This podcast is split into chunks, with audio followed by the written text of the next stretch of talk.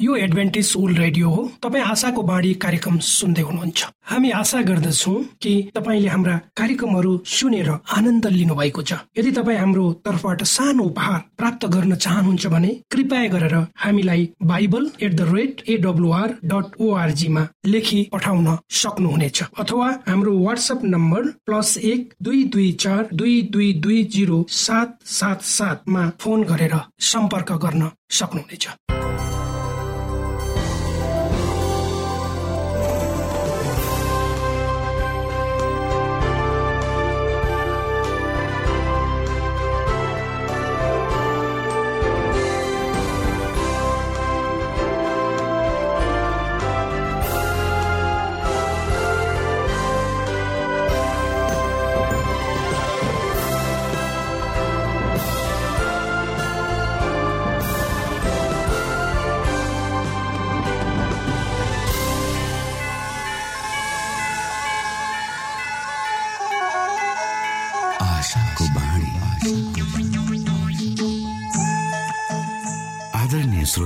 नमस्कार। यो समय तपाईँ एडभेन्टिस्ट ओल्ड रेडियोको प्रस्तुति भोइस अफ होप आशाको बाणी कार्यक्रम सुन्दै हुनुहुन्छ। कार्यक्रम प्रस्तुता म रवि यो समय तपाईँको साथमा छु। बाइबलले भन्दछ सारा भूमण्डल आकाश मण्डलको सृष्टिकर्ता परमेश्वर साँच्चै अचम्मको परमेश्वर हुनुहुन्छ।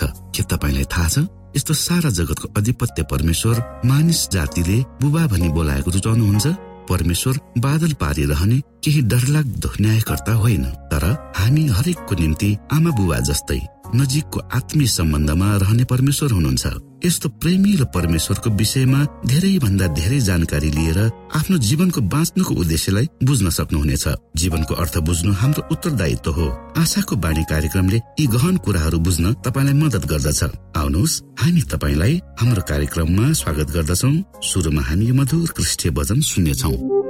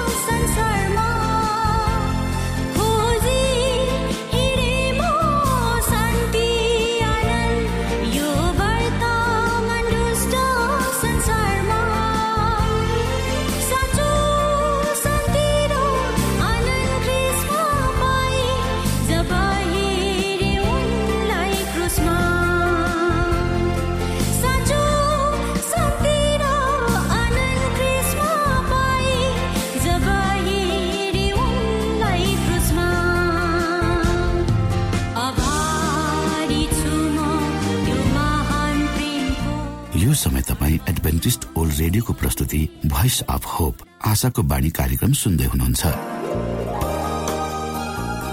तपाईँ आशाको बाणी कार्यक्रम सुन्दै हुनुहुन्छ। हामी आशा गर्दछौ कि तपाईँले हाम्रा कार्यक्रमहरू सुनेर आनन्द लिनुभएको छ। यदि तपाईँ हाम्रो तर्फबाट सानो उपहार प्राप्त गर्न चाहनुहुन्छ भने कृपया गरेर हामीलाई Bible at the rate AWR dot ओआरजीमा लेखी पठाउन सक्नुहुनेछ। अथवा हाम्रो वाट्सएप नम्बर प्लस एक दुई दुई चार दुई दुई दुई जिरो सात सात सातमा फोन गरेर सम्पर्क गर्न सक्नुहुनेछ।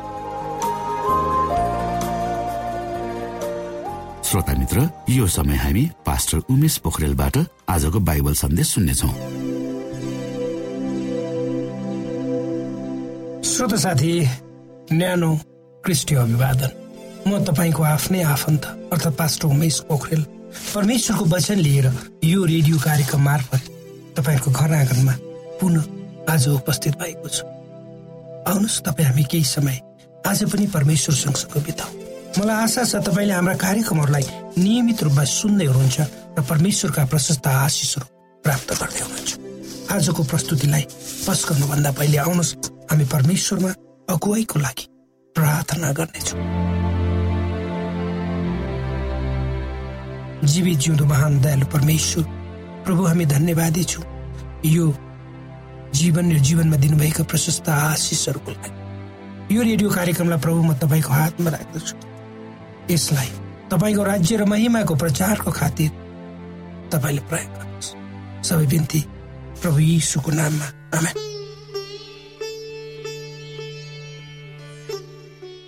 श्रोत साथी जब प्रभु यीशु क्रिस्ट यो संसारमा हुनुहुन्थ्यो उहाँले विभिन्न किसिमका कामहरू गर्नुभयो। र उहाँको सेवक आइलाई हामीले हेऱ्यौँ भने उहाँले मानिसहरूलाई निको बनाउनु भयो जो मान्छे लुला लङ्गडा थियो त्यसलाई चाहिँ हिँड्ने शक्ति दिनुभयो मरेकाहरूलाई बिउताउनु भयो भूत लागेकाहरूलाई निको बनाउनु भयो।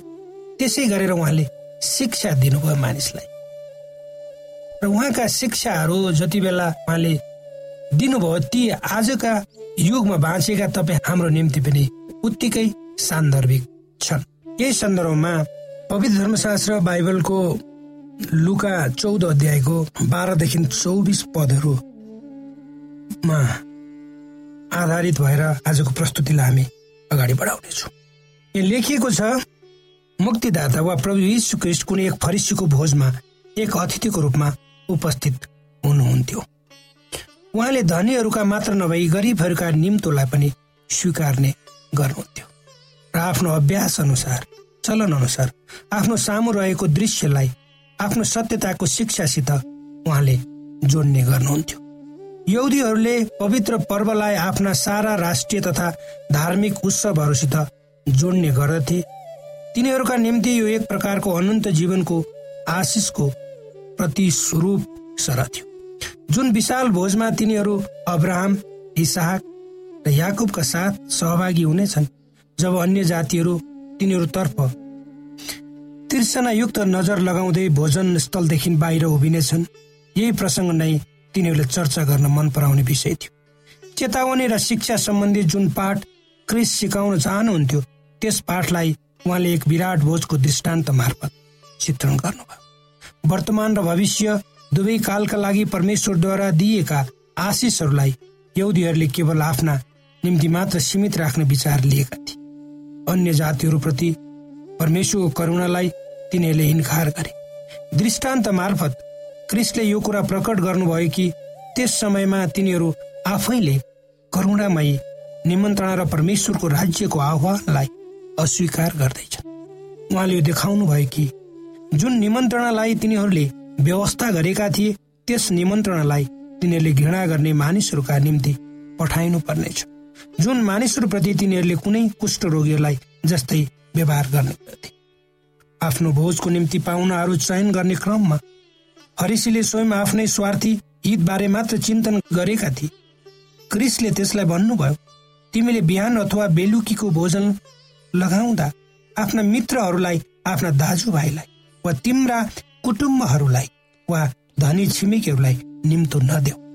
नत्र त तिनीहरूले पनि साटोमा तिमीलाई निम्तो दिएर तिम्रो गुण फर्काइदिनेछ। तर तिमीले भोज लगाउँदा गरिब लुला लङ्गडा अन्धाहरूलाई बोलाऊ। र तिमीले आशिष पाउनेछौ किनकि तिनीहरूले तिम्रो गुण फर्काउन सक्दैनन् तर मृत्युबाट धर्मीहरूको पुनरुत्थान हुँदा तिमीले यसको प्रतिफल पाउनेछौ यहाँ क्रिसले मोसा मार्फत स्वयं आफैले इसरायलीहरूलाई दिनुभएको त्यही उपदेश दोहोऱ्याउँदै हुनुहुन्थ्यो। तिनीहरूका पवित्र पर्वतहरूका बारेमा परमप्रभुले यो आज्ञा दिनुभएको थियो। तिमीहरूसित सहरमा बस्ने परदेशी टुहुरा टुहुरी र विधुवाहरू आएर अघाउन्जेल खाउन् यी जमघटहरू इसरायलीहरूका निम्ति द्रव्य शिक्षाका रूपमा साबित हुनुपर्ने थियो। यसरी साँचो सत्कारले आनन्दबारे सिकाइए पश्चात मानिसहरूले पुरै वर्षभरि वियोगमा परेका तथा गरिब मानिसहरूलाई हेरचाह गर्नुपर्ने थियो। ती पर्वहरू एक अझ विस्तृत रूपमा गरिन्थ्यो। इसरायलहरूलाई प्रदान गरिएका आत्मिकी आशिषहरू केवल तिनीहरूका निम्ति मात्र थिएनन् परमेश्वरले तिनीहरूलाई जीवनको रोटी यस कारण दिनुभएको थियो ताकि यसलाई तिनीहरूले सारा संसारलाई बाँड्न सक्नेछन्। तिनीहरूले यही अभिभारलाई पूरा गरेन्। क्रिसका वचनहरू तिनीहरूका स्वार्थी स्वभाव विरुद्ध एक हप्काइ नै थियो। फरिसीहरूका निम्ति उहाँको वचन कटु वचनका रूपमा साबित हुन पुग्यो। वार्तालापको क्रमलाई अर्को दिशातर्फ मोड्ने आशा गर्दै तिनीहरू मध्ये एउटाले पाखण्डीपनाका साथ यसो भन्यो त्यो धन्य हो जसले परमेश्वरको राज्यमा भोज खानेछ। त्यस व्यक्तिले यति ठुलो आश्वासनका साथ बोल्यो कि मानौ स्वर्गमा ऊ एक स्थान प्राप्त गर्ने विषयमा ऊ निश्चित छ। उसको भाव ती मानिसहरूका भाव समान थियो जो आफू क्रिस्टद्वारा बचाइएको तथ्यमाथि आनन्दित हुने गर्दछ। जबकि जुन शर्तहरूमाथि मुक्तिको प्रतिज्ञा गरिएको छ ती शर्तहरूप्रति तिनीहरू राजी हुँदैनन् उसको आत्मा बलामको जस्तै थियो। जब उसले यसरी प्रार्थना गर्यो मेरो मृत्यु धर्मात्माको जस्तो होस् र मेरो अन्त नै जस्तो होस्। फरिसीले स्वर्गको निम्ति आफ्नो योग्यताको बारेमा चिन्तन गरिरहेका थिएन। तर स्वर्गमा उसले के आनन्द प्राप्त गर्न पाउनेछ भन्दै आशा गरिरहेका थिए। उसको टिप्पणी भोजमा सामेल भएका पाहुनाहरूका मनलाई तिनीहरूका व्यवहारिक कर्तव्यको प्रसङ्गदेखि मोड्ने उद्देश्यका साथ रचिएको थियो। उसले तिनीहरूलाई वर्तमानको जीवनदेखि धेरै पर धर्मीजनहरूका पुनरुत्थानको समयसम्म लैजाने विचार गर्यो।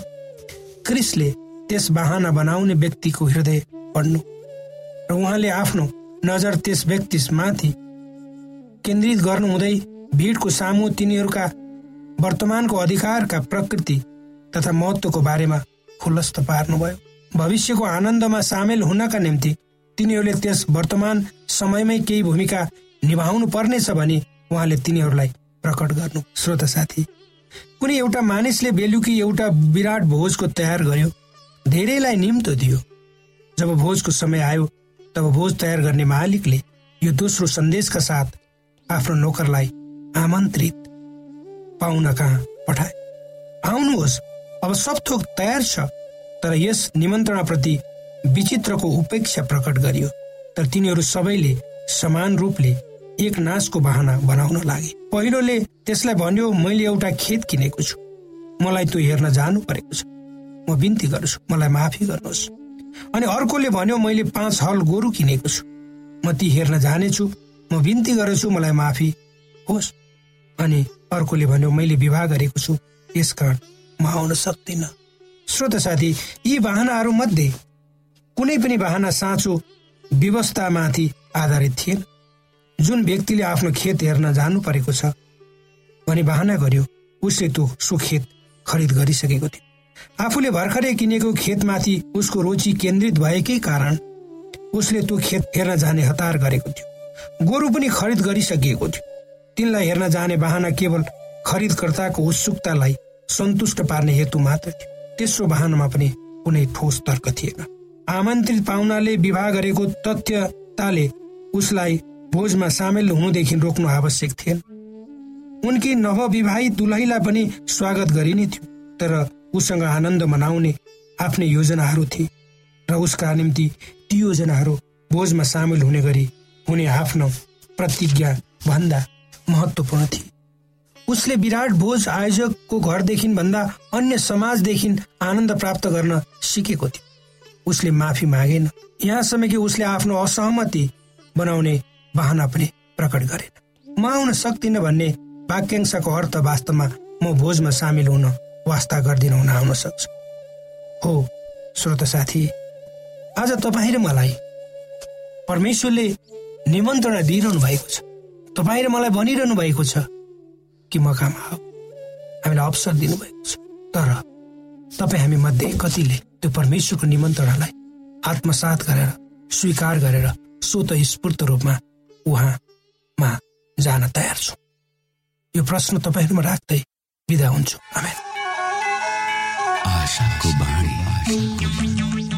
श्रोता भर्खरै यहाँले पास्टर उमेश पोखरेलबाट बाइबल वचन सुन्नुभयो। यो समय तपाईँ एडभेन्टिस्ट ओल्ड रेडियोको प्रस्तुति भोइस अफ होप आशाको बाणी कार्यक्रम सुन्दै हुनुहुन्छ। कार्यक्रम सुनेर बस्नुहुने सबै श्रोतालाई हामी हाम्रो कार्यक्रममा स्वागत गर्न चाहन्छौ। श्रोता मित्र यदि तपाईँ जीवनदेखि हरेस खानु भएको छ तपाईँका जीवनमा धेरै अनुत्तरित प्रश्नहरू छन् भने आउनुहोस् हामी तपाईँलाई परमेश्वरको ज्योतिमा डोहोऱ्याउन चाहन्छौँ। तपाईँ आफ्नो जीवनका चिन्ता फिक्रीबाट निश्चिन्त हुनुहोस् र बाँच्नुको आनन्द परमेश्वरको सामिप्यमा कति मिठो हुन्छ त्यो चाख्नुहोस् भनी हामी चाहन्छौँ। श्रोता यदि तपाईँ आशाको बाणी कार्यक्रमलाई अनलाइन सुन्न चाहनुहुन्छ वा डाउनलोड गर्न चाहनुहुन्छ भने ओआरजीमा जानुहोस्। त्यहाँ तपाईँले प्रत्येक दिनको कार्यक्रम सुन्न र डाउनलोड गर्न सक्नुहुनेछ। हाम्रो वेब पेज यस प्रकार छ।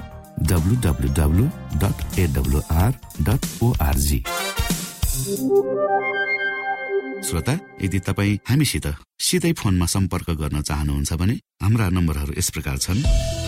अन्ठानब्बे एकसाठी पचपन्न शून्य एक सय बिस। अन्ठानब्बे एकसाठी पचपन्न शून्य एक सय बिस र अर्को अन्ठानब्बे अठार त्रिपन्न पन्चानब्बे पचपन्न। अन्ठानब्बे अठार त्रिपन्न पन्चानब्बे पचपन्न।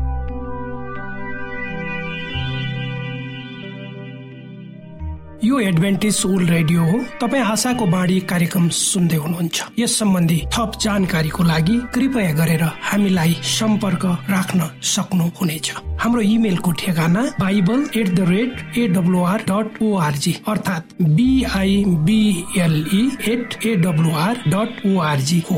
तपाईँ हामीलाई हाम्रो वाट्सएप नम्बर प्लस एक दुई दुई चार दुई दुई दुई जिरो सात सात सातमा पनि कल गरेर सम्पर्क राख्न सक्नुहुनेछ। अर्थात् प्लस एक दुई दुई चार दुई दुई दुई जिरो सात सात सात। यो आशाको बाणी रेडियो कार्यक्रम हो। म धनलाल राई यहाँहरूलाई यस कार्यक्रममा न्यानो स्वागत गर्दछु। आजको समसामयिक विषयको प्रस्तुतिका साथ मिना राई। श्रोत साथी न्यानो अभिवादन। म तपाईँहरूकै मित्र मिना राईको। आज म तपाईँहरूको बिचमा परमेश्वरको वचन लिएर आएकी छु। आजको वचनको शीर्षक रहेको छ विशेष चिन्ह। श्रोत साथी इजकेल बिसको बाह्रमा यसरी लेखिएको छ त्यस बाहेक तिनीहरूलाई पवित्र पार्ने म परमप्रभु नै हुँ भन्ने कुरा। तिनीहरूले जानुन् भनेर तिनीहरू र मेरो बिचमा चिन्हको लागि मैले तिनीहरूलाई साबत दिनहरू पनि ठहराइदिए। श्रोता इसरायलीहरू संसारिक कनानमा जान मिश्र देशबाट निस्केका थिए। तिनीहरू पृथ्वीका अरू जातिहरू भन्दा विशिष्ट जाति हुन् भनेर पहिचान गराउन र अलग गर्न अदनको बगैँचामा दिएको साबत तिनीहरूलाई चिनो वा चिनो स्वरूप फेरि सुम्पिएको थियो। अहिले पनि परम प्रभुका जनहरू संसारबाट निस्केर स्वर्गको विश्राममा पस्न यात्रा गरिरहेका छन् र तिनीहरू अरूहरू भन्दा भिन्न छन् भनेर पहिचान गराउन वा देखाउन तिनीहरूलाई चिन्ह स्वरूप साबत दिएको छ। साबतको विधिको पालनाको केही विशेष अर्थहरू छन्। परम प्रभुले आफ्नो बारेमा ज्ञान वा जानकारीहरूलाई सुरक्षित राख्न उहाँले सावत स्थापना गर्नुभएको थियो र उहाँका वफादारी जनहरू र उहाँका दस आज्ञाहरूलाई उल्लङ्घन गर्ने वा यसो क्रुसमा मर्नुभयो अब मानिसहरूलाई चाहिने मौलिक र नैतिक नीति दस आगेको औचित्य समाप्त भयो भन्ने छुनहरूको बीचमा भिन्नता राख्न साबत दिएको थियो।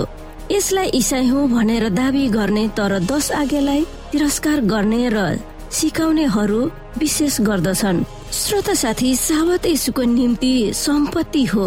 उहाँले सबै थोक बनाउनु भएकोले उहाँले साबत दिन बनाउनु भयो उहाँले गर्नु भएको सृष्टिको कामले उहाँ नै सृष्टिकर्ता हुनुहुन्छ भनेर याद दिलाउन साबत स्मरणको रूपमा स्थापना गरी अरू दिनहरू भन्दा अलग राख्नु भएको थियो। उहाँ सृष्टिकर्ता र पवित्र गर्ने वा शुद्ध पार्ने हुनुहुन्छ भनेर साबतले औल्याउँदछ। स्वर्ग र पृथ्वीमा भएका यावत थोकहरूको सृष्टिकर्ता र सम्भारकर्ता चर्चको पनि शिर वा प्रमुख हुनुहुन्छ र उहाँकै शक्तिले हामीलाई परम प्रभु परमेश्वर पितासँग मिलाप गर्नुहुन्छ भनेर सावतले घोषणा गर्दछ। इसरायलीहरूको बारेमा बोल्दै उहाँले भन्नुभयो तिमीहरूलाई पवित्र पार्ने म परम प्रभु नै हुँ भन्ने कुरा तिनीहरूले जानुन् भनेर तिनीहरू र मेरो बीचमा चिन्हको लागि मैले तिनीहरूलाई साबत दिनहरू पनि ठहराइदिए। इजकियल बिसको बाह्र। अरू कुनै प्रयासले होइन। ख्रिसले मात्र हामीलाई पवित्र निर्दोषी र शुद्ध पार्नुहुन्छ भन्ने प्रमाण दिन साबत चिन्हको रूपमा दिएको हो। उहाँको पवित्रकरण गर्ने शक्ति छ भनेर चिनोको रूपमा दिएको साबत ती सबैको निम्ति हो। जो ख्रिसद्वारा इसरायलका परम प्रभु परमेश्वरमा आएर उहाँको परिवारमा सम्मिलित हुन्छन्। श्रोता ख्रिसको सृष्टि गर्ने र मुक्ति दिने शक्तिलाई स्वीकार गरी साबतलाई हृदयमा सजाइ राख्नेलाई साबतले आनन्द र हर्ष दिलाउँदछ। साबतमा तिनीहरूले ख्रिसलाई देख्ने भएकोले उहाँमा तिनीहरू आनन्द र खुसी हुन्छन्। मुक्ति दिने महान शक्ति उहाँमा नै छ भनेर प्रमाणित गर्न उहाँको सृष्टि गर्ने कामले देखाउँछ। साबतले तिनीहरूलाई त्यही सत्य औल्याउँछ। अदनको बगैँचामा घुमाएको शान्ति मुक्तिदाताद्वारा पुनर्स्थापित गरिएको छ भनेर साबतले नै आह्वान गर्दछ। प्रकृतिमा भएको प्रत्येक थोकले उहाँको यो निर्णय निमन्त्रणा वा आह्वानलाई दोहोऱ्याउँछ। हे सबै थाकेका र बोसले लादिएका हो म कहाँ आऊ? म तिमीहरूलाई विश्राम दिनेछु मती एघारको अठाइस परम प्रभु र उहाँका जनहरूलाई एकताको सूत्रमा राख्ने सुनौलो सिक्री सावत हो। यी कुराहरूमा आज हामीले विचार गर्नु पर्दछ